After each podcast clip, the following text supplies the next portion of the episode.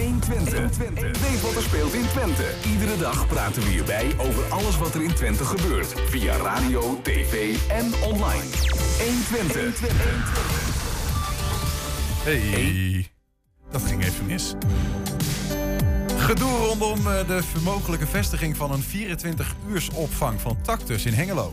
En mooi nieuws voor mensen die door de lockdown tijd over hebben en in die tijd bewust of onbewust een mooie uitvinding hebben gedaan. Eh, de kogel is door de kerk. Hengelo krijgt een nieuw marktplein. En in het Twents kwartierken hoor je de prijswinnende Twentse slogan. Het is donderdag 1 april. Dit is 120 vandaag. We beginnen met het heetste nieuws van de dag. De Tweede Kamer debatteert al de hele dag over de mislukte verkenning van Joritsma en Olongren. Uit gespreksverslagen blijkt dat onder andere Mark Rutte een en ander heeft gezegd over Pieter Omtzigt. En daarvoor moet hij zich eh, verantwoorden. Aan de telefoon is partijgenoot van Mark Rutte en VVD-raadslid uit Enschede, Joost Nijhuis. Joost, goedemiddag. Ja, goedemiddag. Misschien even beginnen bij het begin. De tekst omzicht, functie elders op papieren van de verkenners. Hoe, hoe kijk jij naar die uh, hele verkennersgate? Nou, laten we beginnen met te zeggen dat ik uh, uh, omzicht, functie elders, meer dan bijzonder vind dat dat überhaupt bij verkenners op, op het papier staat. Want het is natuurlijk te raar voor woorden. Kamerleden zijn natuurlijk eigenlijk gekozen volksvertegenwoordigers.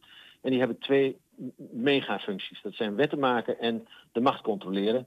Dus dat bevreemdt heel veel mensen. Dus dat, mhm. dat is logisch dat daar de wenkbrauwen over gefronst worden. Dat heb jij ook gedaan? In allereerste ja. ja, dat heb ik zeker gedaan. Maar we moeten ons in allereerste instantie eens even afvragen... hoe kan dit naar buiten komen? Want dat vind ik eigenlijk een, een vraag die eigenlijk toch echt beantwoord Dat is toch duidelijk?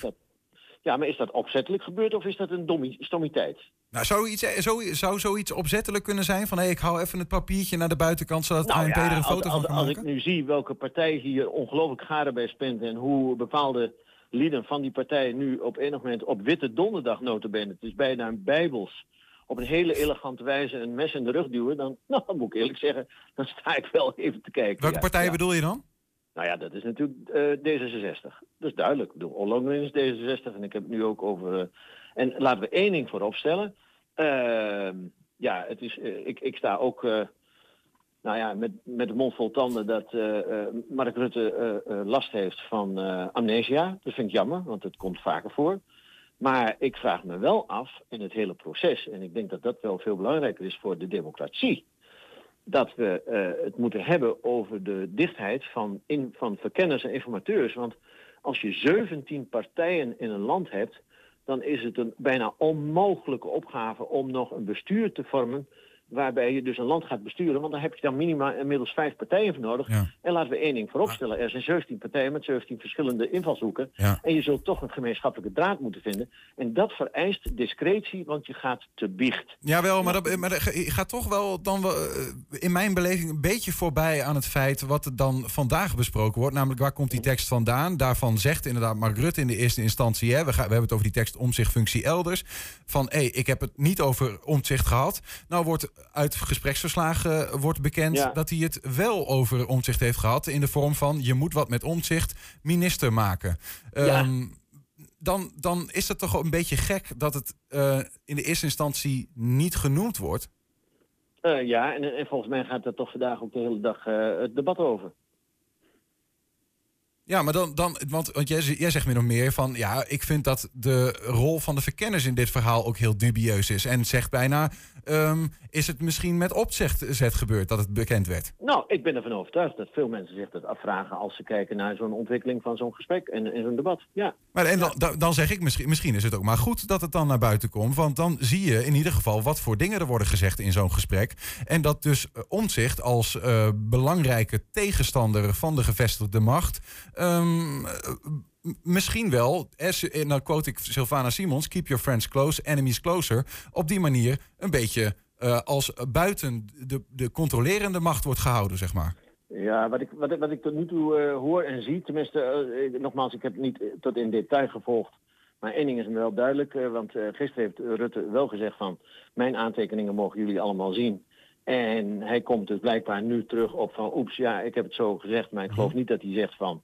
Uh, ik zeg van uh, uh, functie elders. Mm -hmm. En dan heeft hij andere verhalen. Waar het mij om gaat is Er zal misschien nog wel door meer mensen worden gesproken, zijn gesproken over misschien wel individuele Kamerleden. Hetgeen mij nog steeds bevreemdt. Maar uh, dat nu in zo'n debat alle uh, ballen op Rutte gaan door de oppositie, ja.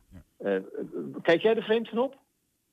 Nee, niet per se. Maar nee, het is natuurlijk wel zo. Het kabinet is gevallen vanwege een affaire waarin wordt gezegd ja. dat meneer Rutte niet altijd de beste is in open zijn over um, wat er allemaal gebeurt. Hè. Er wordt gevraagd ja. door de Kamer om informatie en het wordt niet of weinig of op een andere manier gegeven dan gewenst. Dan ja. is dit wel een heel ongelukkige samenloop van omstandigheden dat juist in dit debat hij opnieuw niet de waarheid heeft gesproken tegen de pers in dit geval. Uh, uh, dat is op zich heel mooi geformuleerd en ik kan daar alleen maar zeggen, dat klopt. Ja, daar heb ik niks aan toe te voegen of af te dingen. Maar is het, want, want vervolgens zegt Mark Rutte zegt, ik, um, hè, het was inderdaad, je noemt dat amnesia, ik heb het even, het is me ontschoten, ik heb dat op dat moment niet herinnerd. Dan is de vraag van de Kamer op dat moment, en volgens mij heel terecht, als een, een minister-president um, ja, zo vaak in zijn carrière deze, um, ja, de, deze redenering gebruikt, dit deze argumentatie waarom die iets niet heeft gezegd, ja, is hij dan nog wel de, de juiste man op de juiste plek? Hoe kijk jij daarnaar? Oh, daar kijk ik heel simpel naar. Uh, ik ben er heilig van overtuigd dat uh, de motie, zoals ik net even heb nagekeken, die Wilders uh, wil gaan indienen, dat die wordt ingediend aan het eind van de dag. Een motie van wantrouwen? Nou ja, zo mag je hem noemen. Ik weet niet precies wat erin staat. Ik heb, want ik heb niet het hele debat gevolgd. Maar ik weet dus dat uh, Wilders een motie heeft ingediend. En dan kun je vergif op innemen. Dat er zo meteen een stemming uitkomt. En ik ben daar heel simpel in. Als daar meer dan 75 mensen op zeggen van...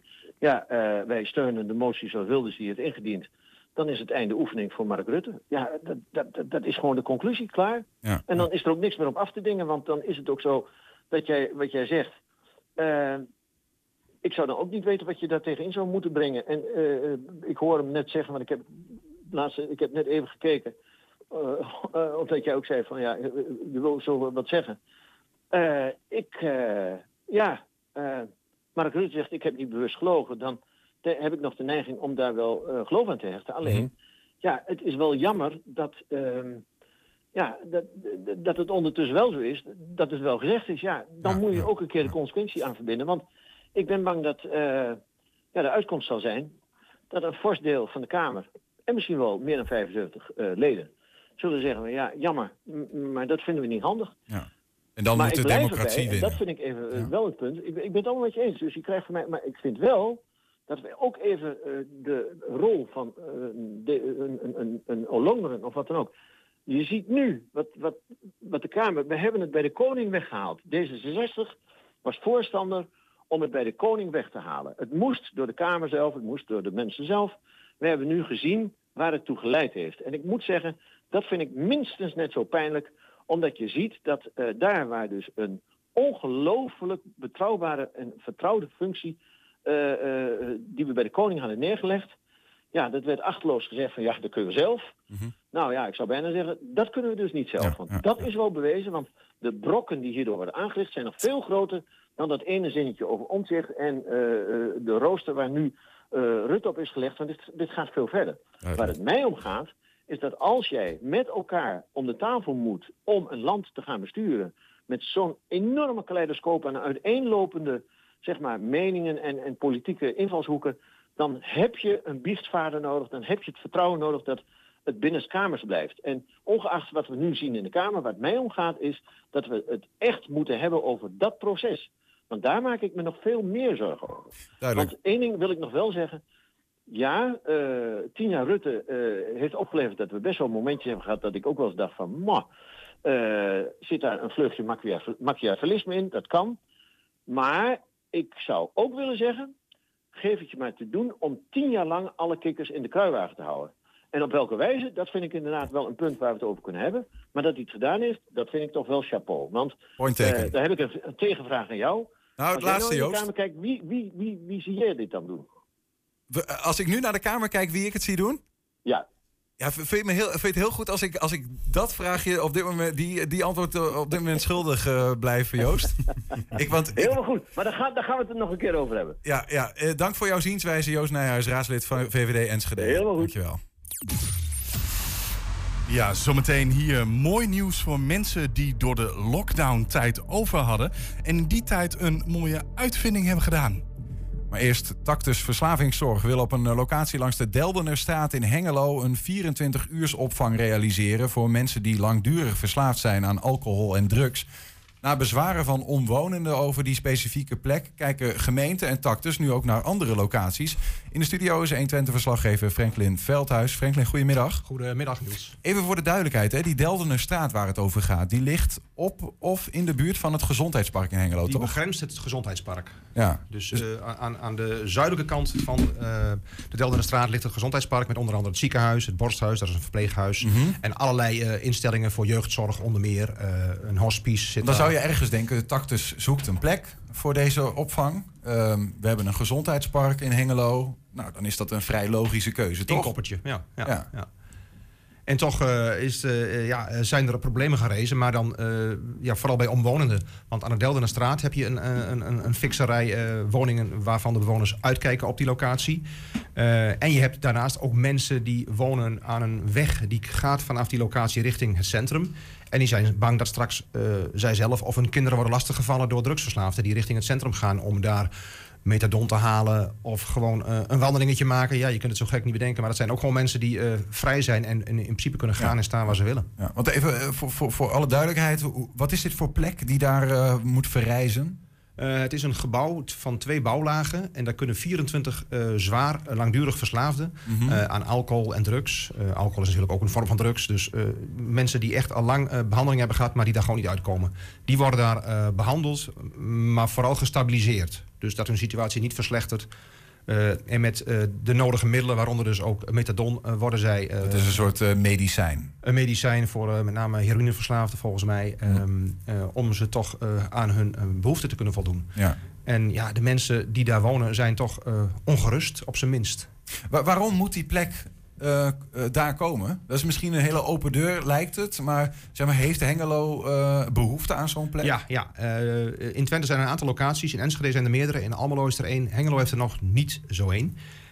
En het is ooit afgesproken met de gemeentes onderling en ook met de gemeente Hengelo dat voor de spreiding van dit soort zaken is het gewoon van belang dat er ook in Hengelo op termijn mm -hmm. zoiets komt. Ook omdat er Hengeloers zijn die met deze problemen kampen. Dus ze willen graag de eigen mensen onder andere daar een plek kunnen geven. Ja. En dat zijn er 24 die daar komen daar 24/7 te wonen.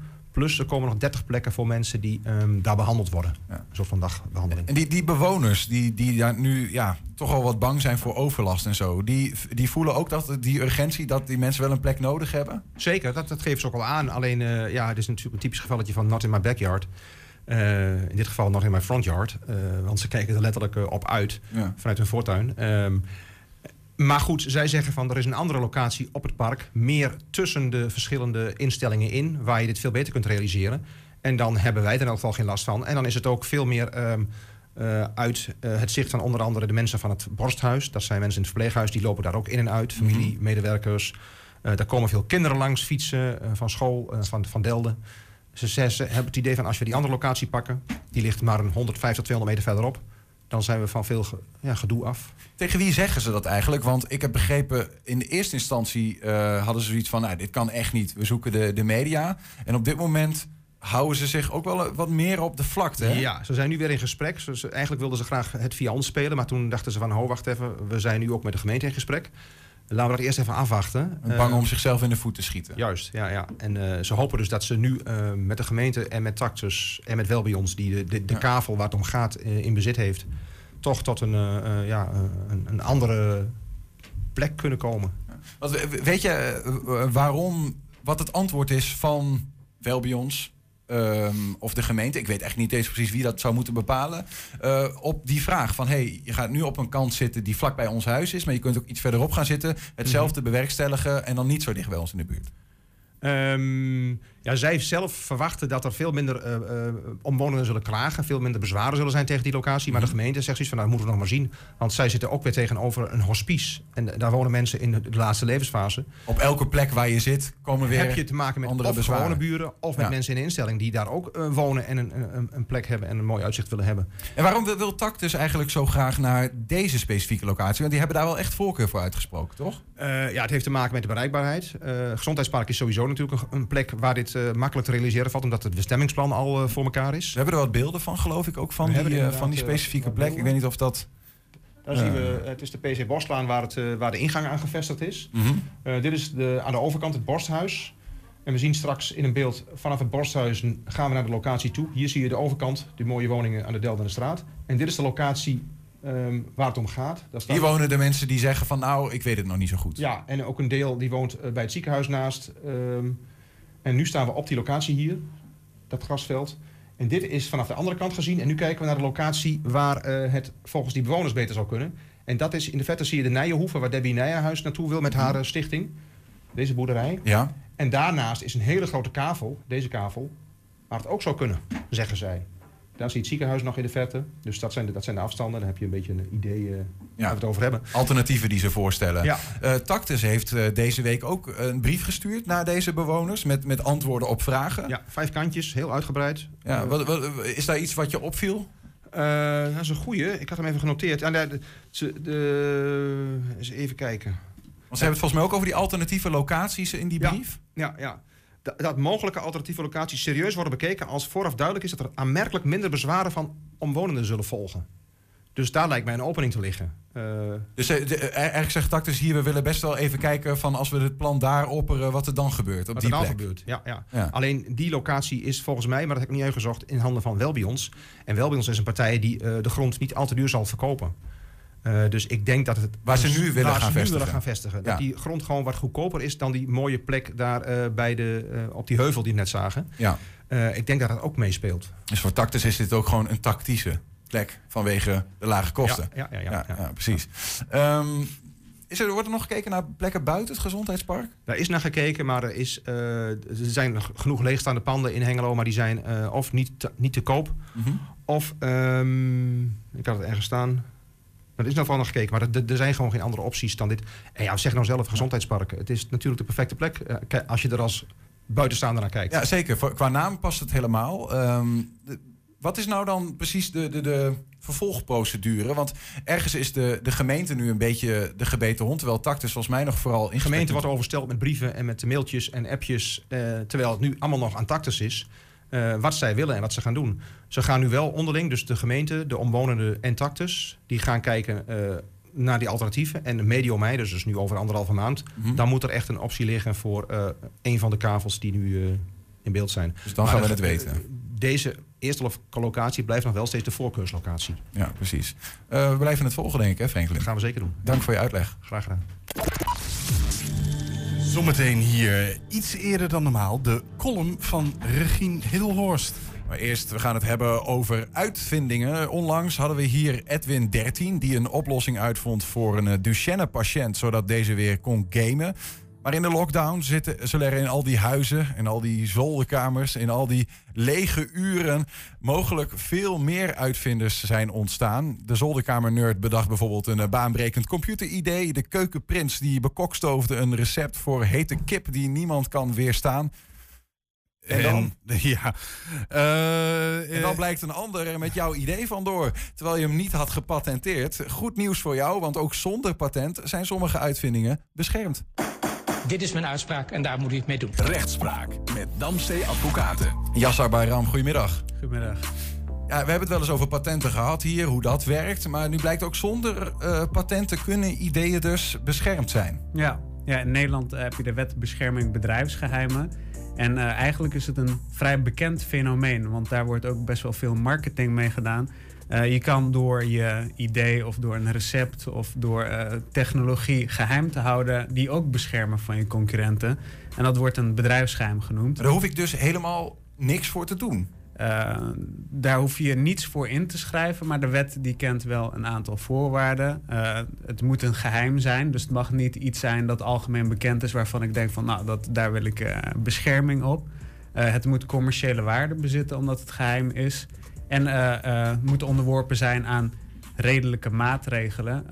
En met redelijke maatregelen wordt bedoeld dat het bijvoorbeeld alleen maar toegankelijk is met wachtwoorden, dat het in een kluis wordt bewaard of dat er met medewerkers van een bedrijf waar dat geheim. eh, Je moet ook kunnen laten zien dat je het echt goed beschermd hebt. Precies, dat ja. je je best hebt gedaan om het te, te beschermen. praktische stappen nemen om, eh, om dat geheim te beschermen. Ja, ja.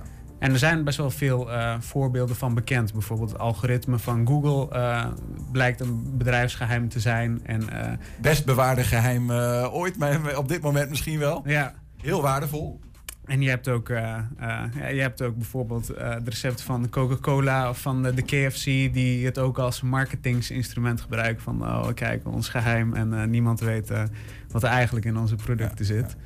Het klinkt dus als je, dat, je, dat je op het moment dat jouw geheim wordt um, door een ander, bij een ander in één keer oppopt, dat er dan in één keer sprake is van: hé, hey, wacht even, hoe komt hij aan deze informatie? Hoe komt hij aan mijn recept? Hoe komt hij aan mijn algoritme of zo? Ja. Want, want je zegt van het, het, het is eigenlijk alleen uh, geldt het op het moment dat het goed bewaard en goed beschermd is. Dus dan zou er mogelijk sprake zijn van diefstal. Ja, en dat kan bijvoorbeeld door een hack, uh, wat ook best wel vaak in het nieuws komt.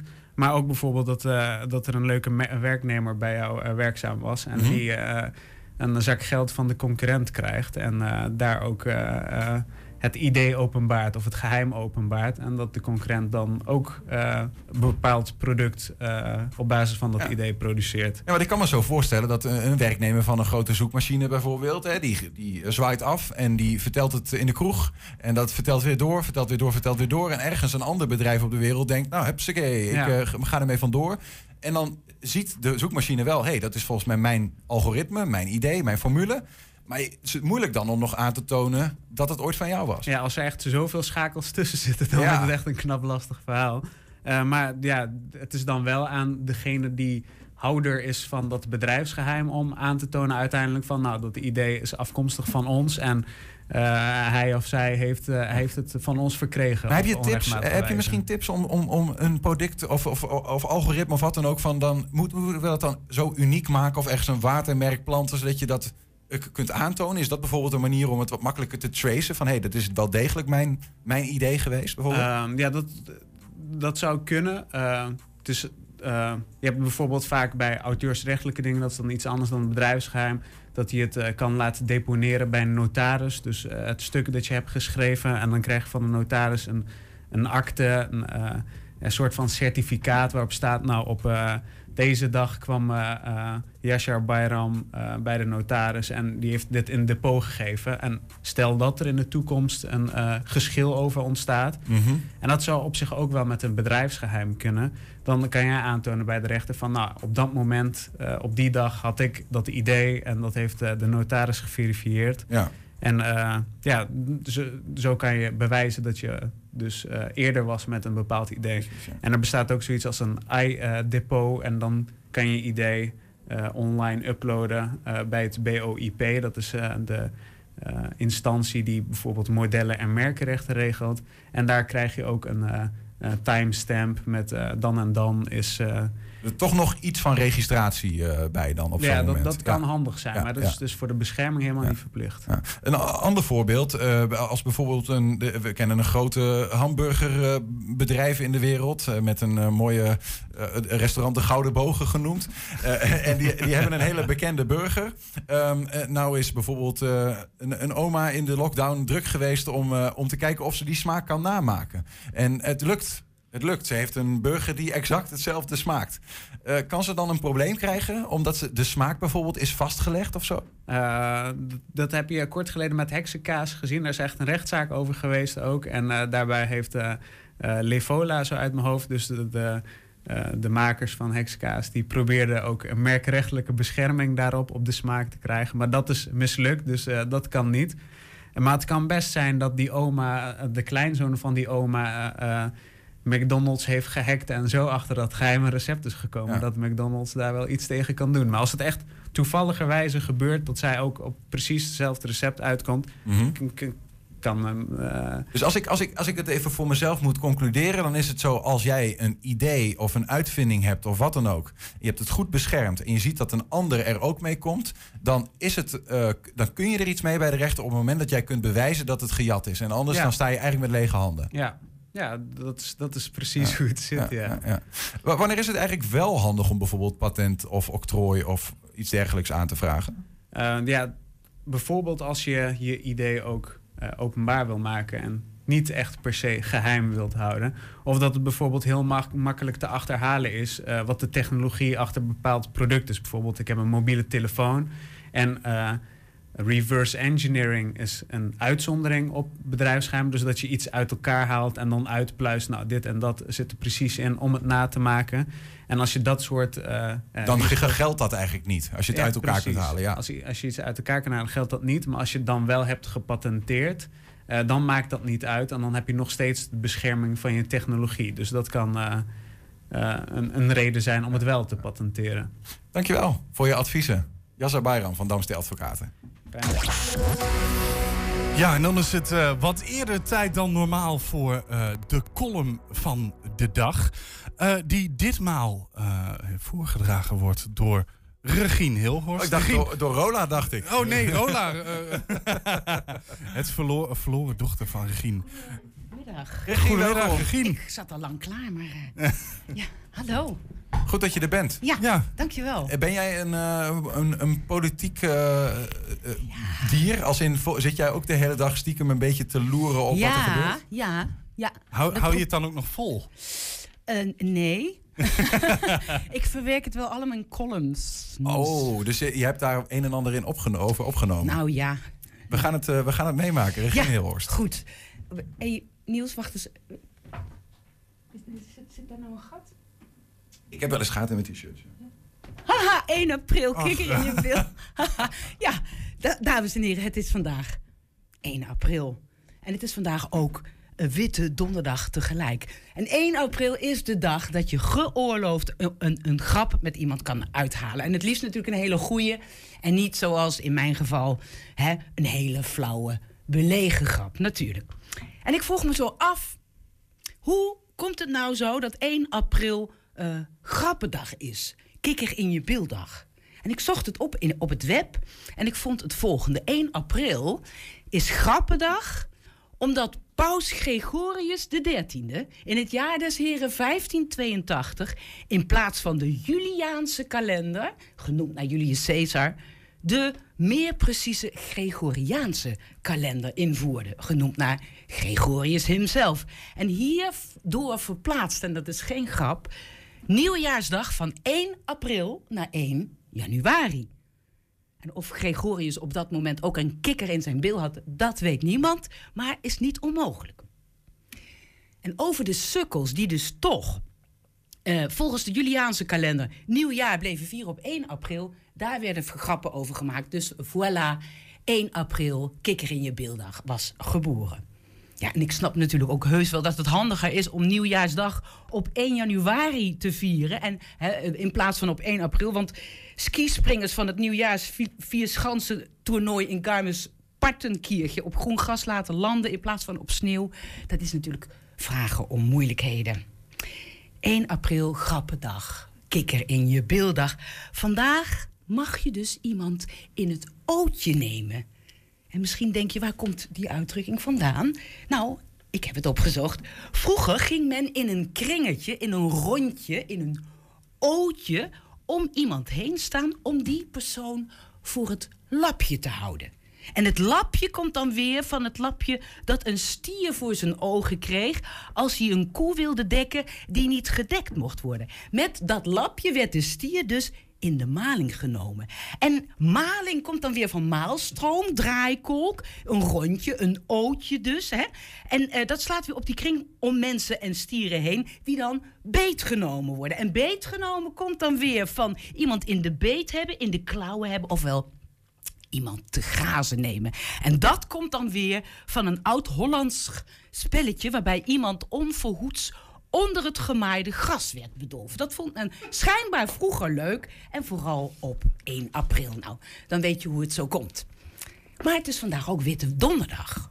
En volgens de Bijbel de dag dat Jezus het laatste avondmaal had met zijn apostelen voordat hij door de kust van Judas verraden werd en op Goede Vrijdag, hoezo goed, aan het kruis stierf en daarna op eerste paasdag weer opstond en dankzij paus Gregorius dus niet op nieuwjaarsdag. Nou, u kent het verhaal en kent u het niet, dan kunt u vanavond kijken naar de Passion of u kijkt niet, kan ik me ook voorstellen. Witte donderdag. Nou, hoezo wit? Ik toch weer even op het web. Lang verhaal kort. Dat wit heeft te maken met witte kleden. Die op witte donderdag na 40 dagen paarse kleden uit de katholieke kast getrokken worden om kerk en priester wit en heilig te versieren. Nou, vandaag dus 1 april en Witte Donderdag. En nou dacht ik, hè, misschien. Misschien, hè, was het nou 2000 jaar geleden, hè, toen Jezus met zijn vrienden met gewassen voeten aan tafel lag. Hè? Misschien was het toen ook wel 1 april kikker in je beeldag. En dacht Judas, aha, het is 1 april. Vandaag neem ik Jezus eens lekker in het ootje. Of houd ik hem voor het lapje. Of neem ik hem in de maling. Of te gazen. En was het eigenlijk was het eigenlijk een hele onschuldige, maar goed betaalde grap. En liep het door omstandigheden, want je weet het niet, volledig uit de hand. Ja, want weet je, misschien, misschien hè, was Judas wel net positief getest op corona. En moest hij daarom hals over kop het avondmaal verlaten. En liet hij per ongeluk zijn notitie Jezus functie elders op tafel liggen. Of misschien, ja, of misschien werd Judas zelf wel in het ootje genomen door de Romeinse SS. Misschien hadden ze wel tegen Judas gezegd: Nou, die net-messias van jou, hè, met zo'n goddelijke capsones, die gooien we een nachtje in een sla slangenkuil. Hè, dan leert hij zijn lesje wel. Misschien hadden ze er niet bij gezegd dat ze hem daarna aan het kruis zouden uh, spijkeren. Haha, 1 april.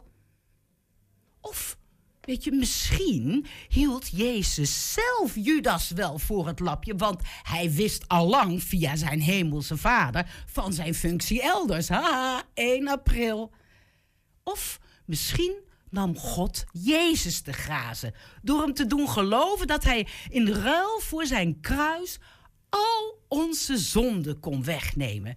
Terwijl we, nou kijk naar ons 2000 jaar later, er net zo'n zooitje van maken als toen. We zullen het nooit weten. Wie hield, hield wie voor het lapje? Judas werd in ieder geval onze zondebok. En zondebokken zijn fijn, want die krijgen dan alle schuld en wij niet.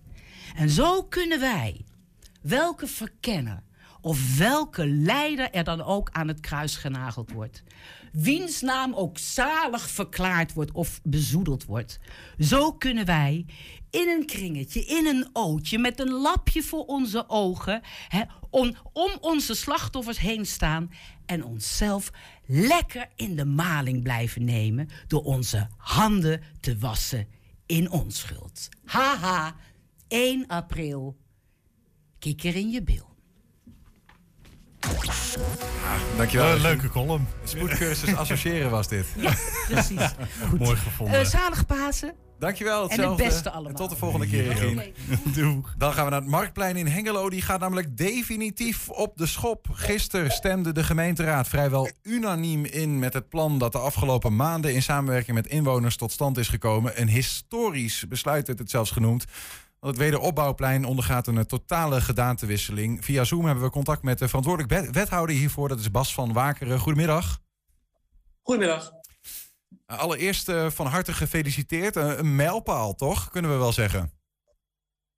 Ja, zeker. Er is uh, denk ik 20, 25 jaar gepraat over het Marktplein.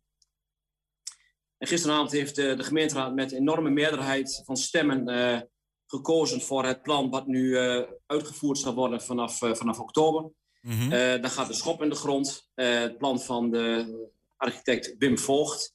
Dus ik ben heel erg blij dat wij eh, nu na zoveel jaren een definitief besluit hebben genomen om de, de het marktplein in de stad Hengelo uh, grondig aan te pakken. Heeft u in de afgelopen tijd wel eens gedacht, um, waar ben ik aan begonnen? Moet ik het dan zijn die het uiteindelijk gaat inkoppen als wethouder? Nee hoor, nee. Dat, uh, ik wist toen wij drie jaar geleden kwam dit college aan, zeg maar. En ik kreeg toen het marktplein in mijn portefeuille onder andere een van de dingen die ik heb in mijn portefeuille natuurlijk. En uh, ik wist waar ik aan begon. En ik heb die uitdaging aangenomen. En uh, nou ja, met uiteindelijk fantastische resultaat uh, gisteravond. Misschien moeten we dat resultaat even wat doornemen. Ik geloof dat we ook wat, wat beelden daarvan hebben. even voor de luisteraars en mensen buiten Hengelo die het plan niet helemaal goed kennen. Kunt u dat uitleggen? Wat voor plein krijgt Hengelo nou? Ja, het, het, het wordt echt een doeplein met, met veel groen, met veel water. En er komt een podium voor optredens, voor kleinere optredens. Uh, er komt een rooftopbar. Ehm, dus ja, het hele plein gaat op de schop. Het moet een gezellig, aantrekkelijk plein worden, waar mensen ook blijven hangen, zeg maar. Eh, en ja, dat is eigenlijk heel kort samengevat eh, wat we gaan doen. Ja, misschien kunnen we, Volgens mij hebben we ergens beelden. Ik weet het niet zeker, anders eh, gaan we dan nog even naar bezoek. Um, afgelopen maanden zijn in ieder geval inwoners ook intensief betrokken hè, bij dat hele proces. waarom is daar precies voor gekozen? Nou, de gemeenteraad heeft mij vorig jaar dus de kaders meegegeven. de financiën, de randvoorwaarden. En er is toen gekozen voor een co-creatieproces. Dat wil zeggen dat alle Hengeloers die dat willen, die komen hun zegje doen. Dus er mhm. zijn allerlei bijeenkomsten geweest in het stadhuis. Dat toen nog was net bij, tussen de corona-perikelen door. We hebben heel veel op internet hebben wij gecommuniceerd. Dus alle Hengeloers die dat wilden, die konden hun zegje doen. Er zijn ook allerlei sessies geweest in het stadhuis. Ja. Met, met groepen Hengeloers die met ideeën kwamen. Nou, die zijn uiteindelijk gebund in vier plannen. Die plannen zijn ook weer voorgelegd aan de stad. En uiteindelijk is het definitieve plan, wat er dus nu uiteindelijk voor gekozen is, zeg maar door de inwoners van de stad, uh, is uh, als het meest uh, mooie plan naar voren gekomen. En waarom is dat eigenlijk zo bij, bij, het marktplein van Hengelo? En waarom is het daar zo'n zo, zo'n plein wat de gemoederen eigenlijk zo bezighoudt? En misschien waarbij dat co-creatieproces wel nodig is geweest. Bijvoorbeeld als we kijken naar het burgemeester Jansenplein bij het stadhuis van Hengelo. Dat ging allemaal wat soepeler en daar hebben we veel minder over gehoord. Ja, dat klopt. Maar dit, juist voor dit, het marktplein is toch een, een, ja, er gebeurt ook heel veel. Um, natuurlijk twee keer per week markt. Maar er vinden ook vanuit het verleden allerlei optredens plaats. Ja, de markt is toch een beetje het centrale punt in Hengelo. Dus ook Hengelo, elke Hengelo heeft daar wel zijn mening over. Ja, en dan is, het gaat natuurlijk ook in de politiek. Dus dan, ja, dan krijg je toch een bepaalde turbulentie. Mm -hmm. En uh, juist daarom hebben wij voor dat co-creatieproces uh, besloten. Zodat ja, iedereen zijn of haar zegje kon doen. Dus echt, het, is echt het, het is echt het plein geworden door en voor de Hengeloers. Wat vindt u er zelf eigenlijk van? Ja, ik, denk, ik vind het een fantastisch plan. Het is, uh, alles zit in, zeg maar, ook, uh, ook groenadaptieve dingen. Uh, veel groen, dat wilde de stad ook. Water, dat wilde de stad ook. En het wordt echt een doelplein waar mensen elkaar kunnen ontmoeten. En uh, ja, ik ben heel erg content met dit plan. Ja. Ik, ik, zeg dat ook omdat ik wel benieuwd ben naar uw mening over nou ja, eerdere plannen. Bijvoorbeeld eh, Pro Hengelo heeft eerder een keer voorgesteld een plan met een markthal op het plein. Die leken begin 2019 ook te komen. Dat is uw partij Pro Hengelo. Um, er lagen plannen die gingen uiteindelijk niet door doordat ze niet binnen de kaders pasten. Ze waren te duur geloof ik. Hoe kijkt u naar die periode? Ja, nou, u zegt hetzelfde als het huisgebouw, maar uiteindelijk dat paste dus niet binnen de kaders die toen waren gesteld door de Raad. Ja, eh, dat betekent weer een nieuwe uitdaging. Dat plan ging van tafel en de agenda leeggemaakt en in goed overleg met je collega's, met de ambtenaren, de mensen uit de stad, wat nu? En uiteindelijk is dit plan daar naar voren gekomen. Dan wordt er nog gesproken over een ondergrondse fietsenstalling, wel of niet, uh, onder het Marktplein. Wat is daar precies de status van? Uh, nou, de, de, bij de inspraakprocedures, en ook, dat, dat gaf ook de raad mee, mij vorig jaar in juli, van uh, er moet een, een, een fietsstalling komen in de directe omgeving van het Marktplein. Uh, uit het co-creatieproces bleek dat ehm, op de markt een fiets parkeren, dat werd niet aantrekkelijk gevonden. Dus we zijn toen gaan kijken naar, naar panden om de markt heen of in de directe omgeving. We zijn ook gaan kijken naar de mogelijkheden van, uh, van een fietsenstalling ondergronds. Nou, dat moet allemaal nog verder worden uitgewerkt. Ik moet daar ook nog voor apart naar de gemeenteraad. Dus ja, die plannen worden nu verder uitgewerkt. En dan uh, gaan we kijken wat de beste plek is voor een fietsenstalling uh, uh, op de markt of in de buurt van de markt. Zou het kunnen dat de uitwerking van die plannen uiteindelijk nog invloed heeft op het ontwerp voor het marktplein aan zich? Nee, want daar is al rekening mee gehouden. Er komt dus een rooftopbar. En ehm, nogmaals, de plannen moeten verder uitgewerkt worden. Het zou kunnen dat dan de fietsenstalling, ondergrondse fietsenstalling onder die rooftopbar komt. Alright, dus die, die maar nogmaals, dat moet nog verder uh, uitgewerkt worden of dat de beste plek is. Dus ik kom daar nog vlak na de zomervakantie uh, bij de gemeenteraad op terug. Een belangrijk icoon op, op dat marktplein is ook uh, die Brinktoren die daar staat. zijn daar plannen voor, speciale ideeën? Ja, nou ja, in, in de plannen is inderdaad door Wim Voogd daar een. Uh, inderdaad, wij willen iets bij die Brinktoren gaan doen. Uh, ook groen, waterval en dat soort dingen. Maar de handicap is, die Brinktoren is niet van de gemeente Hengelo. Dus we zijn nu in gesprek met de huidige eigenaar. of wij die Brinktoren eh, kunnen gaan eh, aanschaffen, gaan, gaan kopen. Ja, en dan kunnen we dat onderdeel ook toevoegen aan het plan van de markt. Ehm, tot slot dan eh, het vervolgtraject, zeg maar. Wat, eh, wat is nu eigenlijk de agenda en wanneer gaan we daadwerkelijk dat wat we hier op die beelden eh, in een ja, animatievorm zien, in het echt zien verrijzen? Ehm, ja, kijk, de, plannen worden nu. De, gemeenteraad heeft, is akkoord gegaan met de plannen. Die moeten natuurlijk nu helemaal worden uitgewerkt. Zowel ondergronds als bovengronds. We zijn met, met nuts, eh, nutsbedrijven bezig. Ehm, we zijn met de Marktbond in gesprek om te kijken hoe kunnen we straks de beste de, de marktkramen gaan plaatsen. Dus die gesprekken lopen goed. Wij zijn natuurlijk in gesprek met de kunstenaar van de beren. Hè. U weet, de beren staan op het marktplein, die moeten worden verplaatst. Dat moeten we in goed overleg doen met, met, met de kunstenaar. Ja, en we gaan dus nu eh, technisch uitwerken de rooftopbar, de fietsenstalling, eh, de kiosk. En eh, ja, dat, daar zijn we nu dus nu mee bezig. Dat is heel veel werk. En eh, daar moeten we na de zomervakantie bij de raad op terugkomen als inderdaad het kredietvoorstel naar de raad gaat. Dus we moeten een hele eh, strakke planning maken, een complexe puzzel. Eh, maar ja, daar zijn we nu met heel veel mensen in de stad mee bezig. Succes daarmee. Wethouder van Hengelo, Bas van Wakeren, hartelijk dank voor de uitleg. Prima, graag gedaan. Ja, Niels, het is inmiddels tijd voor het Twents kwartierken. En dan ga ik eerst even, zoals ik dat kan, even wat gezellige muziek opzetten. Wacht ik daar toch even op? Ja, Ik hoor het nog niet. kijk. Even wat gezellige muziek op. Wat is Dit jongen? Dit, kom- dit klinkt alsof de, de, het, het, het, het lokale circus door de, door de Ja, straat... nee, maar is toch ook zo? We kunnen toch net zo Of goed is even- Arie Hemming het lokale circus? Ja. Hey! Volgende met woorden, hè? Adrie, jij mag kiezen. Waar gaan we mee beginnen? We kunnen iemand bellen. Of we kunnen een terugblik doen van vorige week. Eventjes een, eh, een kleine... eh, om, het, om het geheugen op te frissen Nou, van vorige week. terugblik van, eh, van vorige week. De terugblik. En dan bellen? Ja, dat lijkt me een goed idee. Heb je Ja, al dat kunnen tijd we dan, Niels? Of hij weer drukte? Nee, we hebben tijd. We hebben tijd. We gaan, eh, we gaan even kijken naar wat we vorige week... We hebben natuurlijk vier nieuwe, nieuwe woorden van jou geleerd. En eh, die zetten we even op één rij. Te beginnen met... Oh ja, dit is een mooie. Kiebel. De K, nee, de KIBOL. Oh ja, de KIBOL. Ja, dat is dus de, de, de Ja. bijnaam voor de eh, organisatie die kunstmatig insemineert. Ja, Dat is het. in Groningen heb je de eierbal en jullie hebben hier de KI-bal. Dan vetpriezen. Vetprijzen, ja, dat was de slachtvisite. Hè. Vroeger je dan een verring ging slachten of een koor, dan kwam de buurt kijken hoe, ja, waar je, in de, waar je, waar je eh, slacht aan. Ik vind het wel weer mooi. Ik ga ook in proberen weer een beetje Ja, op de je bent een Twentse. Want maar- nee, maar laatst zijn we hier ook in gesprek met Jan Riesewiek. Ja. En, dat die ging ook- ging ook helemaal in Twents. Ja. En jij niet terugpraten Nee, maar in ik, de ik, Twents, hè? ben, ik, ben, dat niet, ik ben dat niet gewend. Ja, je Dus moet moet niet denken eh, van uh, meer is voorbij, die doken, nu doken niet meer. Nee, daarom. Het is de Dus hele jaar gewoon door in- uh, op- plat geworden. Ook, hè. ook na de, na de, de week van de, of de maand van de Neder-Saxisch. Ah, maar april, dit waar de wil, hè? Dat is naam. Dan hebben we in, in pestig was het geloof ik, hè?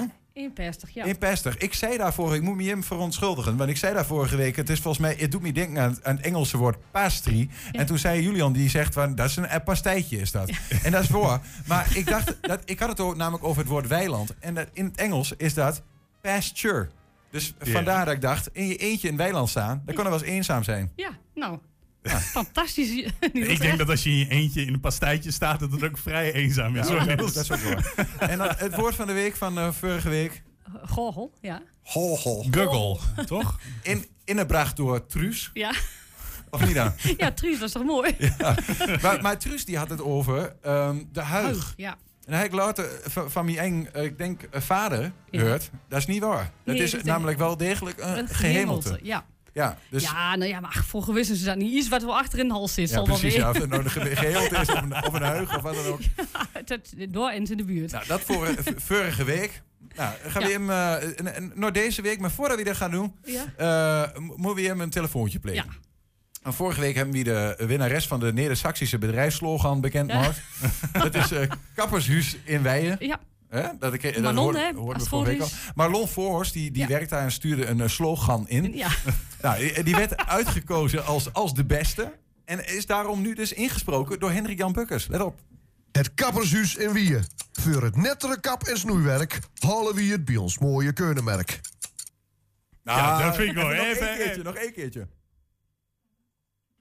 Ja? Ja, nee, eh, Nee. dus, eh, heb je hem nog één keertje of niet? Ja, hij komt Het eraan. kappershuis in Wieën. Voor het nettere kap- en snoeiwerk halen we het bij ons mooie keurnenmerk.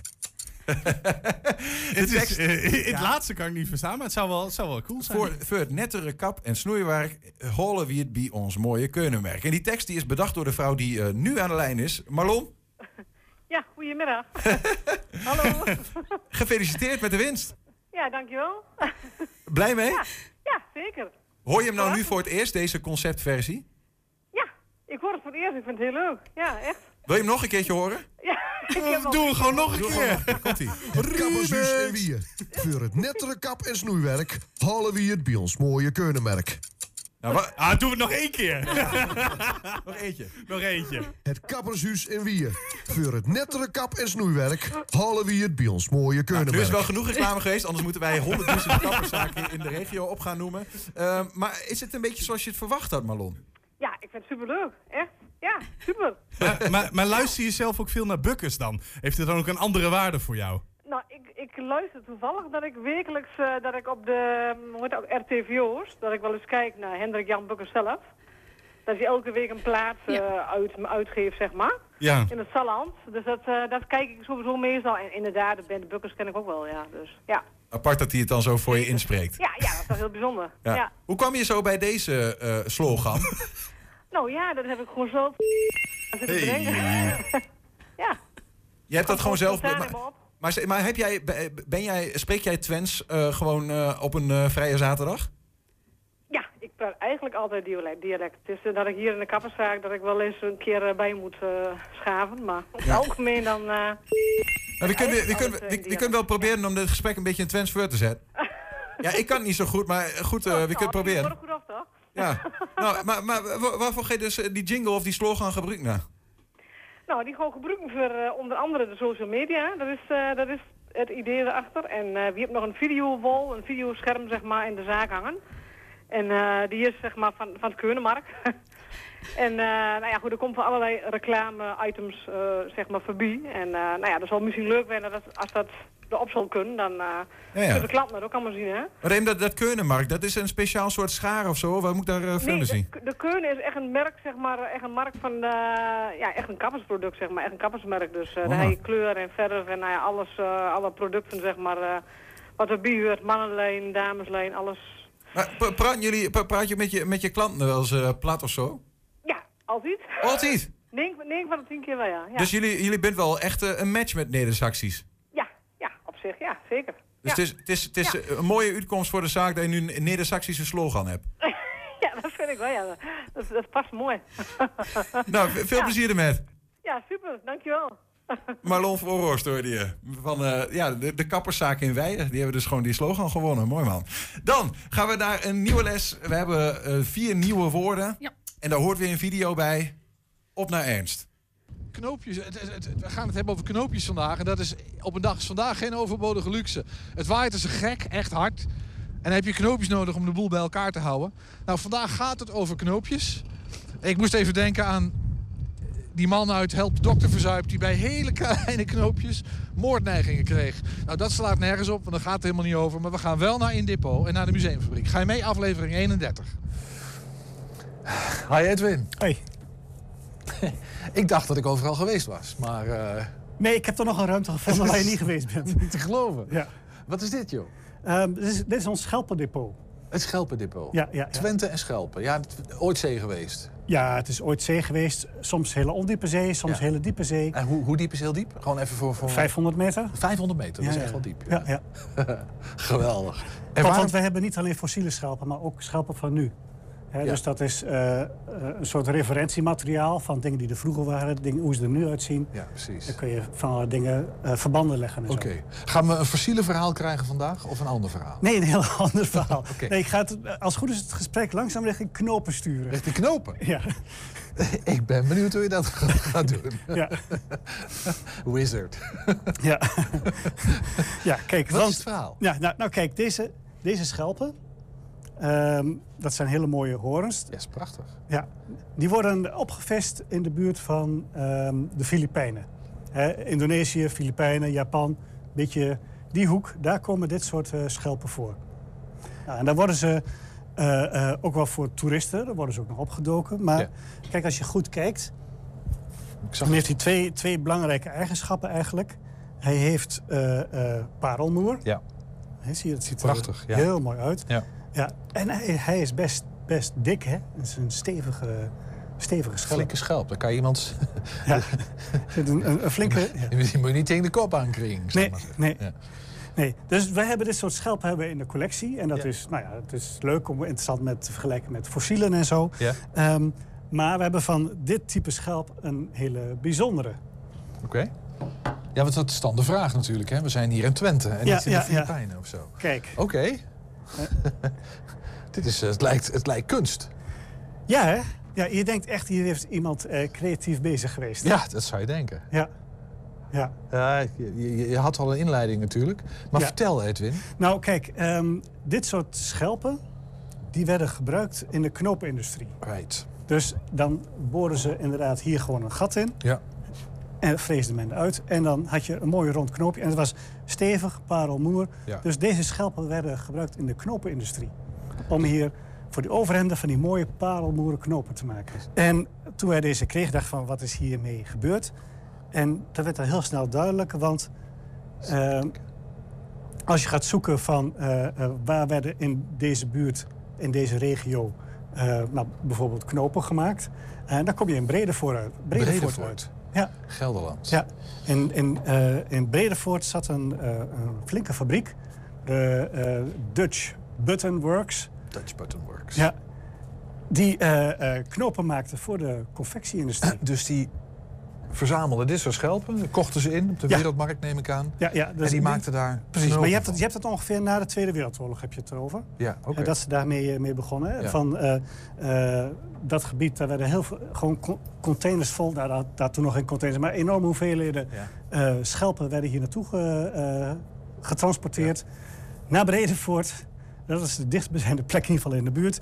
En daar maakten ze knopen. En die werden weer in de confectie... eh, eh, Die naaiden wij hier aan onze textiel, aan onze overhemden. Ja. Maar die fabriek in Bredevoort. Ja. Ik zie daar een plaatje. Ik neem aan dat dat die fabriek is. Ja, dus die fabriek. Ja, dus, dat, eh, dus na de Tweede Wereldoorlog gingen ze heel veel van dit soort schelpen importeren. Nou, je kan je voorstellen, als jij die knopjes eruit gehaald hebt, wat doe je ermee? Eh, ja, niks, dat is, dat is afval. Hè? Eh, dus in eh, de omgeving van Bredevoort zijn er heel veel wegen die zijn bestraat met fijngestampte schelpen. Dus als jij daar op die paadjes loopt en gaat graven, dan heb je best wel kans dat je nog van die tropische schelpen Dus tegenkomt. Bredevoort en omgeving, allemaal schelpenpaadjes. Ja. Ja. Hey, en, en heb je hier... Ja, ik heb nog meer meegenomen. Hè, want, eh, eh, nou, dit zijn dan echt... echt dit zijn zoals van die, van die, van die knoopjes, hè? Van die, Die zijn van, deze, schelpen. van deze schelpen Ja. afkomstig. Ja, ze zijn van die knoopjes. Nou ja, waar kan je nog meer knoopjes... eh, Wat, zij maakt ook bij deze fabriek maakt zij knopen van eh, been. Hè? Dus bijvoorbeeld van, van, van, van horens. Eh, dan krijg je dit soort knoopjes. Ja. En ja, waar... Nou, knoopjes, dat zijn beste jongens nog. Ja. Dus, Een aardige jas mee dichtknopen. En wat nog wel interessant is, maar dat maakten ze niet daar, maar waren dan ook, eh, eh, dit hebben we dan ook weer in de collectie. We hebben ook een, een soort eh, collectie met allerlei tropische gewassen en zo. Hè, dus we hebben allemaal laadjes vol. Er zit ook de gekste dingen van rubber tot aan opium. de, de raarste dingen hebben. En er zit ook dit soort, dit soort, dit soort Ja, noot is het, hè? Een soort ja, noot. een noot. Ja, ja, ja. Knetterhard. Ja, dat is zijn knetter- noten natuurlijk altijd. Maar, eh, maar wat is dit voor noot? Nou, dat is een ivoornoot. Een ivoornoot. Ja, ja dat is, heeft ook dezelfde structuur als, eh, als ivoor. Is, is ook keihard. Eh, de, de, de cellenbouw is ook hetzelfde eigenlijk van ivoor. En dit wordt tegenwoordig wel gezien als een, een, ja, eigenlijk een goed alternatief voor ivoor. Kijk, hier hebben ze de uitgesneden uit de noot, Oh, ja. die, de knoopjes. Ja. Vergelijkbaar.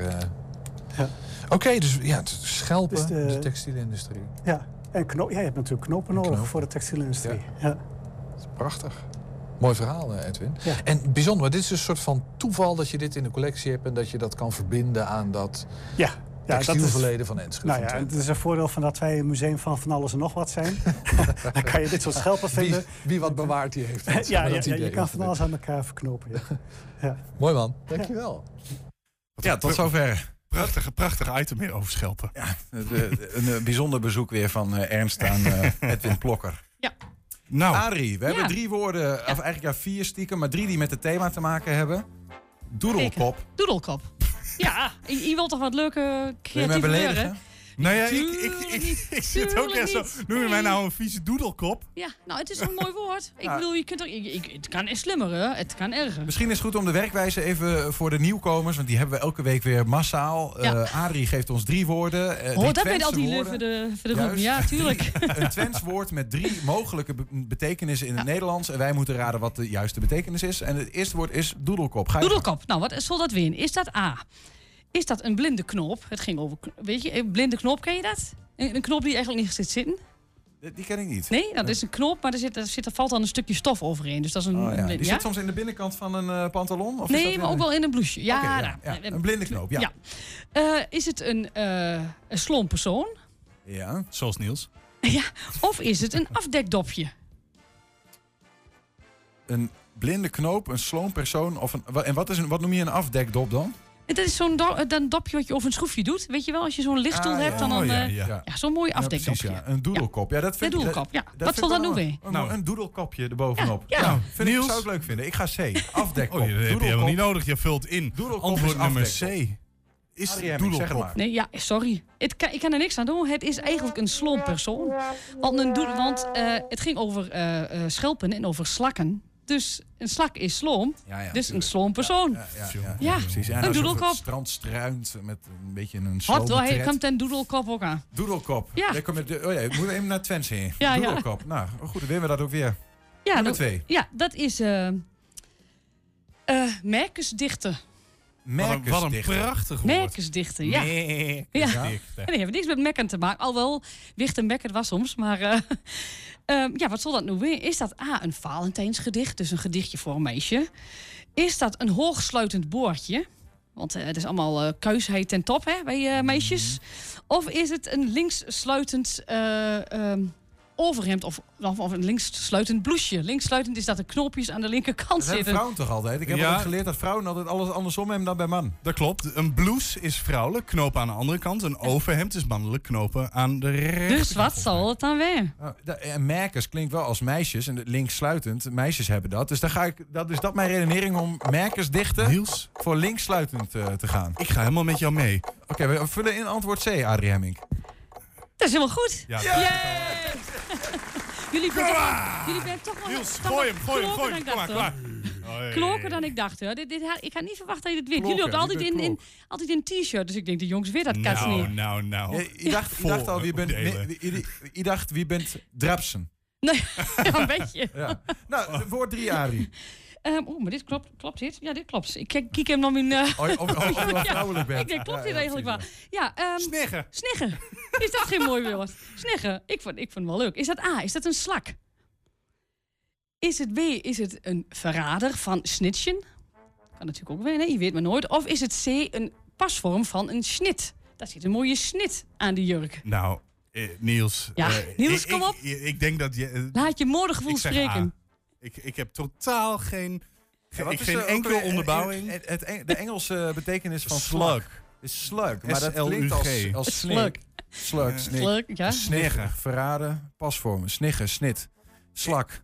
Ja, ik... Ik, Hè? ik, je hebt die eh, slak al genoemd met dat sloom. Daarom weet ik het dus niet helemaal.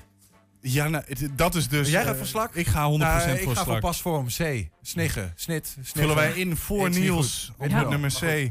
Is dat goed? Nee. Nee, dat dacht Nee, ik al nee, wel. nee, jullie hadden het goede antwoord. ja, krijg je van me. Ja, dat maakt ook helemaal niet uit.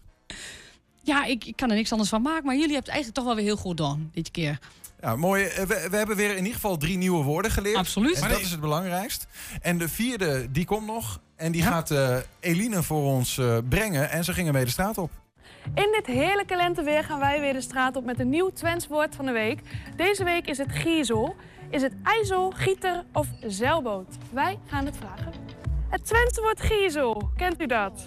Ik denk ijzel, want dat is de vraag misschien. Ja, giezel, glad, ge, ge- ja, ge- weet niet. Het Twentse woord giezel, hebben jullie daar wel eens van gehoord? Eh, nee, geen idee. En jij? IJssel? Nu het zulk mooi weer is vandaag, ga jij voor ijzel?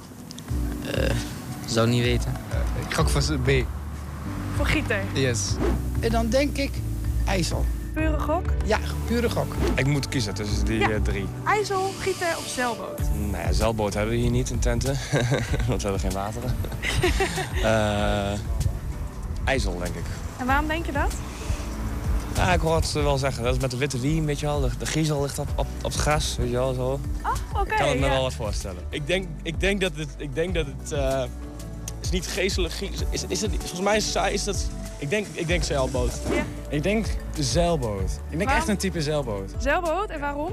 Ehm gijzel komt van gijzer en dat zit in zee, dus misschien een zeilboot. En jij, ga je met hem mee?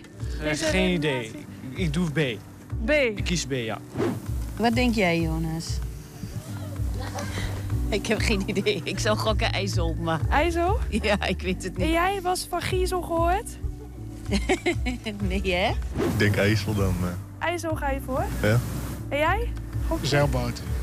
Waarom eh, kies je voor zeilboot? Omdat het minst op de andere twee lijkt. Ja, oké. Nee, geen idee. Gieten. En eh waarom Weet ik geen idee, weet puur niet. op gevoel af? Ja, weet ik niet. Geen idee, ja. Ik denk gieter. Gieter? En wat denk jij? Ik denk ook gieter. Gieten zou je kunnen zeggen. En waarom eh, voor gieten? Het lijkt er het meeste op. Maar ik kom hier ook niet vandaan, dus... eh, Waar kom je vandaan? Uit Duitsland. Twents lijkt ook nog wel eens op het Duits. Is dit Giesel iets wat je herkent uit het Duits? Nee. IJssel, denk ik. IJssel, en u? Beer. Gieten? Ja. En waarom denkt u gieten? Dat weet ik niet. Gewoon echt een gokje? Ja. Nou, we hebben alle drie de woorden wel eh, gehoord eigenlijk. IJssel, gieten en zeilboot kwamen allemaal wel voorbij. Alle drie iets te maken met het water. Eh, ja, wat, eh, wat zou het betekenen? Ik ben benieuwd. Ik heb totaal geen idee. Ik ook niet. En daarom vond ik die redenering van die laatste man wel eh, gewoon goed. Ik weet het niet. Dus B. Ik ga gewoon met hem mee. Ik, ik weet ook niet welk woord op, op B staat, maar ik ga ook voor B. Gieter.